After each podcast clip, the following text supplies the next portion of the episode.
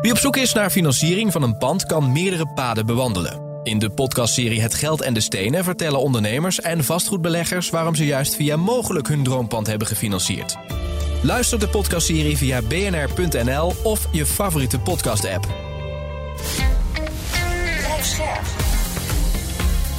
BNR Nieuwsradio. Vastgoed gezocht. Maarten Bouwhuis en Maarten de Gruiter. We steven in Nederland af op de grootste woningcrisis ooit. Dat zijn stevige woorden. En ze komen van Victor van Bommel van Orange Capital Partners, een van de bekendste vastgoedbeleggers van ons land. De vraag van deze week: hoe voorkomen we dat we de woningmarkt nog verder uit de rails laten lopen? Dit is vastgoed gezocht, jouw wekelijkse update over de wereld van de stenen. Je hoort ons natuurlijk elke maandagavond op BNR en altijd online via de app en bnr.nl. En we zijn deze keer te gast op het vastgoedevenement van het jaar in Nederland, de Provada in Amsterdam. Ja, ja. En op die Provada is het al eh, lekker druk. Drie dagen lang presenteren alle vastgoedspelers zich eh, eigenlijk aan elkaar. Eh, en we zijn net als vorig jaar weer uitgenodigd eh, in de stand van onze vaste partner. Mogelijk, dank daarvoor. Eh, prima koffie ook hier en gastvrijheid. Eh, Maarten, jij bent hier natuurlijk ook drie dagen lang. Maarten de Gruiter, die natuurlijk elke week bij mij is. Eh, ik zag je weer overal op de rol staan om je verhaal te houden. Nou ja, het belangrijkste is natuurlijk dit. Hè? Eh, maar daarna, daarnaast ben ik bij ABN AMRO en met eh, Sander Schimmelpinning. Altijd leuk. En dan gaan we discussiëren over de woningmarkt. Nou ja, eh, we kijken er alle twee natuurlijk iets anders tegenaan. Maar gelukkig heeft hij er een stuk minder verstand van dan ik. Dus daar, daar komen we wel uit. Daar komen jullie wel uit. Hugo de Jonge is er ook, in tegenstelling tot vorig jaar. Want toen was hij op de Cariben. Ja, Want- ook lekker. Ook lekker, Ja. maar ik gaf veel kritiek. Hij is er, hij heeft net de beurs geopend. We hebben meegeluisterd. En dit is wat hij zojuist zei. wie de krant heeft gelezen in de afgelopen periode, die zou kunnen denken dat de markt en de overheid daarbij tegenover elkaar komen te staan. En dat is niet zo. Die overheid die heeft een hele belangrijke taak, maar we zullen het de komende tijd echt samen moeten doen. Ja, Maarten, hij zegt dus, we staan naast elkaar en niet tegenover elkaar. Ja, nou ja, dat, eh, eh, hij wil eh, naast elkaar staan en hij doet ook wel een handreiking. Maar ja, dat moet natuurlijk ook wel uit daden blijken natuurlijk. Ja, wat mij opviel is wat hij zei over de middenhuur. Nou weet ik dat er anderen zijn die zullen zeggen, die regulering van de middenhuur, zou je dat anders niet eh, achterwege kunnen laten? Maar het punt is dat ja, dat, dat natuurlijk ehm, eh, dat dat gewoon betekent dat mensen die nu al heel veel van hun salaris kwijt zijn aan hun woning, dan helemaal niet meer in staat zullen zijn eh, om een huurwoning te kunnen krijgen. En daarom zullen we inderdaad die regulering van de huur moeten doen. Nou Maarten, woonminister Hugo de Jonge dus, die op de beurs hier zijn woonbeleid wil verdedigen. En die middenhuur is een belangrijk punt. Ja, dat, dat wil hij overeind houden. Hè. Hij komt er niet op terug. Maar, en hij zegt ja, het moet voor iedereen eh, bereikbaar blijven. Maar ja, door die hele eh, regulering komen er natuurlijk gewoon minder woningen bij. Dus uiteindelijk is het weer diezelfde taart. Op de, hè, het is eenzelfde taart die hij op verschillende manieren wil op proberen te snijden. Maar die taart moeten we groter maken. Of een extra taart ernaast. Maar dit, die, die hele tijd maar teruggrijpen op die regulering. Wat ze allemaal doen. Hè. Ook Tweede Kamerleden. Ook Henk Nijboer weer met zijn plannen voor eh tijdelijk huur afschaffen. Het is allemaal gefocust op regulering in plaats van meer woningen. Ja, ik hoorde hem ook zeggen aan het begin van zijn speech dat we de afgelopen jaren te veel dure huizen hebben gebouwd. Ja, nou dat is helemaal niet waar. De afgelopen jaren, wij zitten al vijf, zes jaar. Ieder project moet gewoon 80% betaalbare huur zijn. Dus het is gewoon onzin. Vastgoed gezocht. De markt voor nieuwbouwwoningen zit eh, zwaar in het slop. Collega Maarten de Gruiter voorspelde in 2022 al dat het zou gebeuren. En inmiddels erkent dus ook woonminister Hugo de Jonge dat er ja, minder nieuwbouw is dan een jaar geleden. Daarover gaan we praten met eh, twee mensen die heel wat vastgoedkilometers op de teller hebben staan. Eh, naast ons aan tafel Victor van Bommel van Orange Capital Partners en Cor van Zadelhof. Beide van harte welkom. Victor, vorige week een pagina groot opinieartikel van jou in de Telegraaf. De kop, we stevenen af op de grootste woningcrisis ooit. Hoe ernstig schat jij de situatie nu in? Het is vrij duidelijk denk ik dat de situatie op dit moment eh, al, eh, al redelijk escaleert. De woningbouwproductie is gehalveerd. Hè, dus, eh, eh, en het ziet er niet naar uit in de, op de korte termijn dat dat eh, gaat verbeteren. Dus de situatie is wel heel ernstig, ja. En als Hugo de Jonge dan vanochtend hoort spreken en hij zegt nee, we staan naast elkaar. Wat denk je dan? Dan denk ik van eh, dat is niet wat wij, eh, wat wij merken. Want eh, ik denk dat er heel weinig dialoog is eigenlijk. En er wordt ook weinig geluisterd. Hè. Ik zit echt aan de ins- institutionele kant van het spectrum. En wij riepen ook al twee of drie jaar geleden van we gaan buiten Nederland kijken. Want die onzekerheid van alle regulering, dat maakt het ons, voor ons zo moeilijk hè, om, om een visie te creëren. En om eh, te weten wat ons eh, rendement gaat zijn in de Nederlandse markt. Ja, maar als je naast elkaar staat, eh, dan wil je ook gelijkwaardige gesprekspartners zijn. Tegelijkertijd schrijf jij op, de minister en de ambtenaren ontberen kennis van de markt en denken dat nog meer reguleren de enige oplossing is om uit de crisis te komen. Dat voelt ook niet als een gelijkwaardige verhouding van de markt naar hun toe. Nou, kijk, wat ik eigenlijk probeer te zeggen is dat de, de overheid grijpt en de, de jongen grijpt heel erg naar regulering. En ehm, in mijn eh, verhaal staat ook duidelijk dat eh, het wat mij betreft niet altijd gaat om de bouw van betaalbare woningen. Dat zei hij eh, zojuist overigens ook. Het gaat erom dat we woningen moeten bouwen. En dus de- zoals Maarten zegt, de taart moet groter worden. En het is niet alleen maar in het betaalbare segment, want elke woning die gebouwd wordt, die zet gewoon een keten van verhuizing aan het werk. Waarbij een nieuwe woning ertoe leidt dat andere mensen uit een andere woning gaan. En dan komt ergens onder in die keten komt een sociale woning vrij voor iemand die daar behoefte aan heeft. Ja. Maar met dit beleid is eigenlijk de hele markt gewoon eh, stilgelegd. En Ja. de hele doorstroming is gestopt. Eh, Cor van Zadelhoff, met al uw ervaring eh, in die vastgoedmarkten de afgelopen 50 jaar. eh, zit er iets in het beleid van de jongen waarvan u zegt, ja, dat is niet per se onlogisch? Nou, ik ben blij dat meneer De Jonge het laatste jaar, ondanks dat hij er vorig jaar niet was, maar kennelijk wel geluisterd heeft naar de markt. Ik vond zijn speech eh, daar recht toe doen dat hij op de goede weg is. Oké, en, en wat, wat haalt u er dan eh, specifiek wat- uit wat ik, eh, waarvan u zegt, ja, da- daar zie je dat hij op de goede weg is? Nou ja, dat hij de markt, dat hij luistert naar de markt nu. En eh, als hij nu ook nog de guts heeft om zijn collega van de fiscale overheid tot de orde te roepen. Marnix van Want- Rij? Want die is nu juist weer maatregelen aan het nemen waardoor de, de woningbouw gaat stokken. Onder andere die beperkte renteaftrek. Die was bedoeld voor, eh, de, voor, de buitenlanders die met groot eh, eh, kapitaal leningen in de Nederlandse markt gooiden. Maar het is niet bedoeld, en daar wordt het nu voor gebruikt in de onroerend goed, om te proberen. Nou ja, er wordt gewoon niet meer gebouwd als je die rente niet kan Ja. aftrekken. Dat is, Ja, de jongen heeft dus zojuist ook gezegd, we hebben de markt zijn gang laten gaan. En daarmee zegt u dus eigenlijk, die markt heeft te veel vrijheid gehad de afgelopen jaren. Ja. En daar grijp ik nu op in. Daarom trek ik als minister echt de regie eh, naar me toe. Eh, is dat een goede ontwikkeling, Cor? Eh, maar dat moet je wel beperken. Laat ook de markt zijn gang gaan, zeker in de vrije sector. Want wat er nu gebeurt is met het puntenstelsel dat de mensen die heel graag meer willen betalen, omdat ze dan een woning hebben, die eh, krijgen nu de gelegenheid om via punten minder huur te gaan betalen. Waardoor Maarten? gewoon de vrije marktbouw stukt. Maarten? Dit is zo'n opportunistisch gewauwel. Dat is ongelooflijk. Er is geen sector in Nederland die zo gereguleerd is. Het is zo'n onzin. Maar ja, iedereen, mensen die niet in onze branche actief zijn, die horen dat en die lezen dat. En die zeggen, ja, hij heeft helemaal gelijk. Ja. Allemaal de schuld van het grootkapitaal. Belachelijk. Dus een uitspraak dat is, eh, we hebben de markt zijn gang laten Het gaan. is Dat, dat irriteert onzin. jou in, in- tot in je vezels ja, en je tenen. Het is echt onzin. Maar ja, het bekt hartstikke lekker natuurlijk. Ja. Ja. Eh, Victor, hoe kijk jij daarnaar? Want eh Cor van Zadelhoff zegt eigenlijk... nou ja, in zekere manier eh, eh, probeert hij nu te luisteren naar de markt. En, en, en Cor zegt eigenlijk, ik zie dat wel gebeuren. Eh, Ja, Victor? ik zie, dat niet gebe- ik zie dat niet echt gebeuren. Want wa- ik ben helemaal met Maarten eens. Kijk, wij hebben projecten eh, in het verleden waar woningen van eh 13, 14, 1500 euro.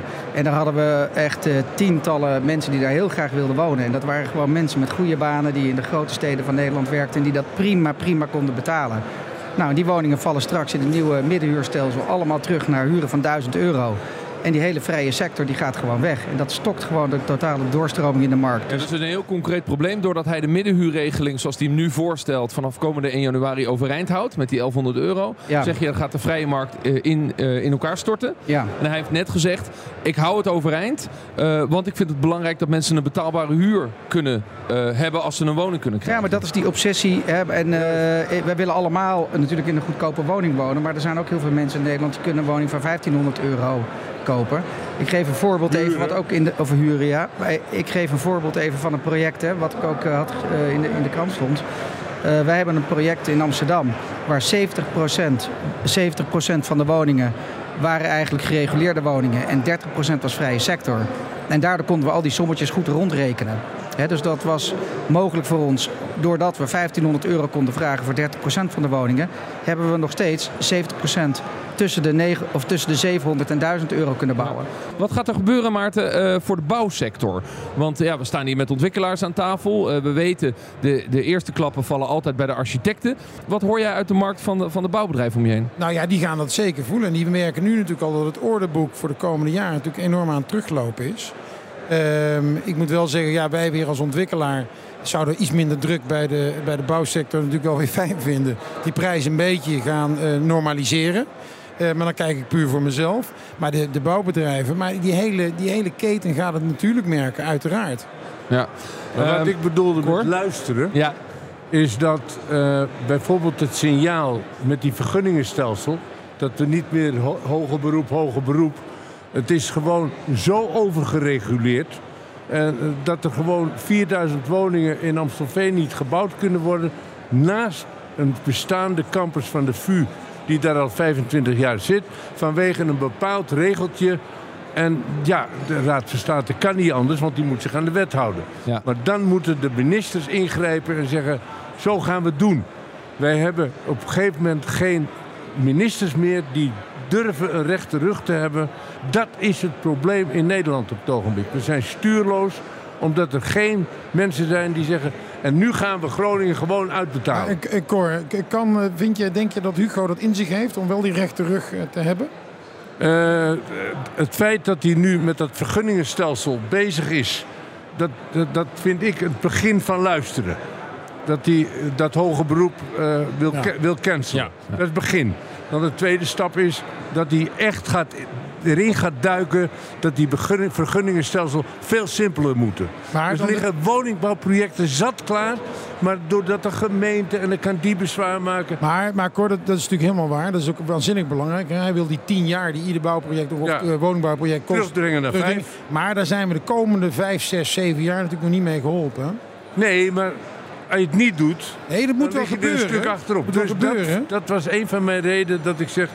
Hugo de Jonge begint echt te luisteren. En dat, als hij dat nou nog een beetje doorzet... komt hij vanzelf op het pad van de markt. Oké, nou eh, d- eh, dit aspect, eh, de juridisering en het feit, zoals Hugo de Jonge dat zelf zegt, namelijk eh wiens rechtszekerheid, het recht Ja. op uitzicht is belangrijker dan het recht op een woning. Een mooie uitspraak. Ja, Dat is een mooie quote, Ja, dat kan hij wel. het is, het Dat is enige wat- waar. Eh, dat is het enige wat zeker is.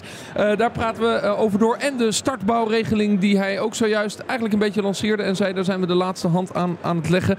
Eh, ehm, daar moeten we ook over doorpraten. Je luistert naar Vastgoed Gezocht. We spreken met Victor van Bommel en Cor van Zadelhof. En we staan in de stand van Mogelijk op de Provada in Amsterdam. En uiteraard is eh, Maarten de Gruiter er ook bij. Eh, ik wil eerst nog even, Victor, met jou naar de financiering. Want hoeveel geld eh, van, van institutionele beleggers, hè, wa- wat jij kunt beleggen in woningen, is er nou de afgelopen jaren naar het buitenland gevloeid, waarvan je dat liever in Nederland had willen houden? Ja, we hebben dat, eh, dat is heel moeilijk natuurlijk om, uit, om echt eh, daadwerkelijk eh, heel te, te weten waar, wat wij gekeken hebben. Voor ons, als wij gekeken hebben naar onze ervaring, wat wij naar het buitenland hebben gebracht en partijen die gelijk zijn zoals wij, schatten wij dat in op zo'n 10 miljard. En hoeveel is 10 miljard op de, laten we zeggen, de taart die jij kon verdelen de afgelopen jaren? Eh, dat is meer dan de helft van, eh, van ons kapitaal. En, en in principe ben je een eh, Orange Capital Fund, een organisatie die in Nederland wil beleggen. Wij zijn begonnen in Nederland in 2014 en we hebben altijd de focus en de visie gehad op Nederland. We zijn een Nederlands bedrijf. We hebben investeerders overal vandaan. Maar de, het begin was zeker gericht op Nederland. En eh, ja, uiteindelijk hebben wij besloten om eh, allerlei redenen om, eh, om ook naar het buitenland te gaan. Maar Hugo de Jonge zit er nu anderhalf jaar. Ja. De strenge regelgeving die we nu neerleggen, ja, die is ook pas zo jong. Heeft het daar dan wel mee te maken? Ja, daar heeft het zeker mee te maken. Ja, dat is een van de redenen dat we weg zijn gegaan. Maar niet, dat was meer de onzekerheid over wat de regels zouden worden. Want we hebben niet alleen praten over middenhuur, eh, nieuwe regulering in de middenhuur. Maar we hebben natuurlijk al de overdrachtsbelasting gehad. We hebben natuurlijk al de WOZ in de WWS-punten gehad. Er zijn al heel veel, belasti- heel veel regelingen eh, of regulering is er al geweest onderweg. Ja, als gevolg waarvan dus dat geld eh, naar het buitenland vloeit. Want daar heb je meer zekerheid eh, over hoe de markt gereguleerd wordt en welk rendement je dan kunt halen. Nou ja, kijk, het, het, het ergste voor een belegger is gewoon onzekerheid. Wij investeren voor de hele lange termijn in, in, in Nederland en in andere landen. En dan willen we gewoon weten wat, als we iets ergens in investeren, wat onze, ons verwachte rendement Want gaat lange worden. termijn, er zit pensioengeld in bijvoorbeeld. Pensioengeld, wij hebben niet een fund wat over vijf jaar of over tien jaar ophoudt. Dat is gewoon ja, kapitaal wat ja, in bakstenen blijft. Kijk, als, je, als je die, om die woningen te, be- dat te behalen, die 900.000, heb je iets minder dan 400 eh, miljard nodig. Dus we kunnen allemaal wel denken dat dat de overheid even op gaat lossen. Dat gaat de overheid helemaal niet En, oplossen. en dus heb je eh, partijen als Victor van Bommel hard nodig om dat te doen. Ja, zeker. Hebben we wel door eh, hoe groot eh, het probleem is dat dat geld naar het buitenland vloeit? Heeft Den Haag dat door, Maarten? Nee, maar eh, kijk, Den Haag denkt ook nog steeds dat de markt op dit moment nog steeds heel veel geld verdient. Dus nou, dan verdienen ze nu maar even iets minder. Nee, een ontwikkelaar verliest nu geld op een project wat hij nu moet starten. Weet je, dus die, die perceptie, die is er nog niet echt. Nou, ik denk wat, Maar, wat, maar, maar, maar, er zou ook een aanwijzing van de overheid kunnen komen dat de grote pensioenfondsen hun liefhebberijtjes om eh, de Atlantische Oceaan over te steken en zo eens even laten liggen en gewoon in Nederland beleggen. Want er zijn fantastische projecten in Nederland, maar dat buitenland dat trekt kennelijk altijd aan. En als we kijken hoeveel cepers er gehaald zijn in het buitenland, dan zeg ik schoenmaker bij VLE's.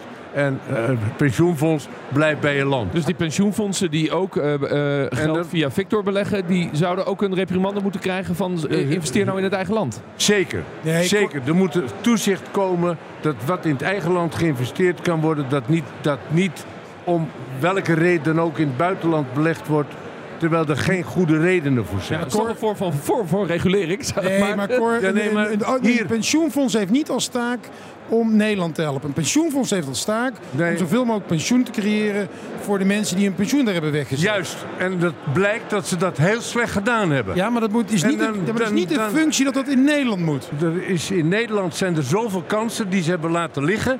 En in het buitenland gaan beleggen. Kijk nou maar eens. Shell Pensioenfonds, Philips Pensioenfonds. Ze hebben al hun woningen verkocht. Ze hebben hun taal van zilvers verkocht. En zijn gaan speculeren in het buitenland. Dat, dat zijn kan, ze gek geworden? maar Dat, dat kan, maar het is nog steeds niet hun functie. En Nee, het is niet hun, natuurlijk dat is niet. hun doelstelling om in Nederland te investeren. Maar de hun doelstelling is ook niet om niet in Nederland te investeren. Het is een Nederlands pensioenfonds. Ze moeten hier de, eh, de pensioenen uitkeren. Dus het is logisch dat ze in Nederland substantieel Ik ga even beleggen. naar de Nee, praktijk. Misschien Ik ga heel even naar de even nog. praktijk. Meneer Van Bommel, Ja. Eh, Victor, ik ga even naar de praktijk. Want ja. eh, wat zou er gebeuren als er een uitspraak komt vanuit Den Haag... dat dat pensioengeld gerichter in de Nederlandse woningmarkt geïnvesteerd zou moeten worden? Kan dat überhaupt? Nee, dat kan niet. Want kijk, eh, er zijn pensioenfondsen die zijn zo groot, die moeten natuurlijk diversificeren. Maar niet alleen eh, in Nederland, maar ook in het buitenland. En ook niet alleen in roerend goed, maar ook in aandelen, fixed income en alle andere producten. Ik begrijp Cor's punt absoluut. Nederlandse pensioenfondsen hebben veel geld verloren in het buitenland. Maar inmiddels is de kapitaalmarkt voor, voor goed zo groot.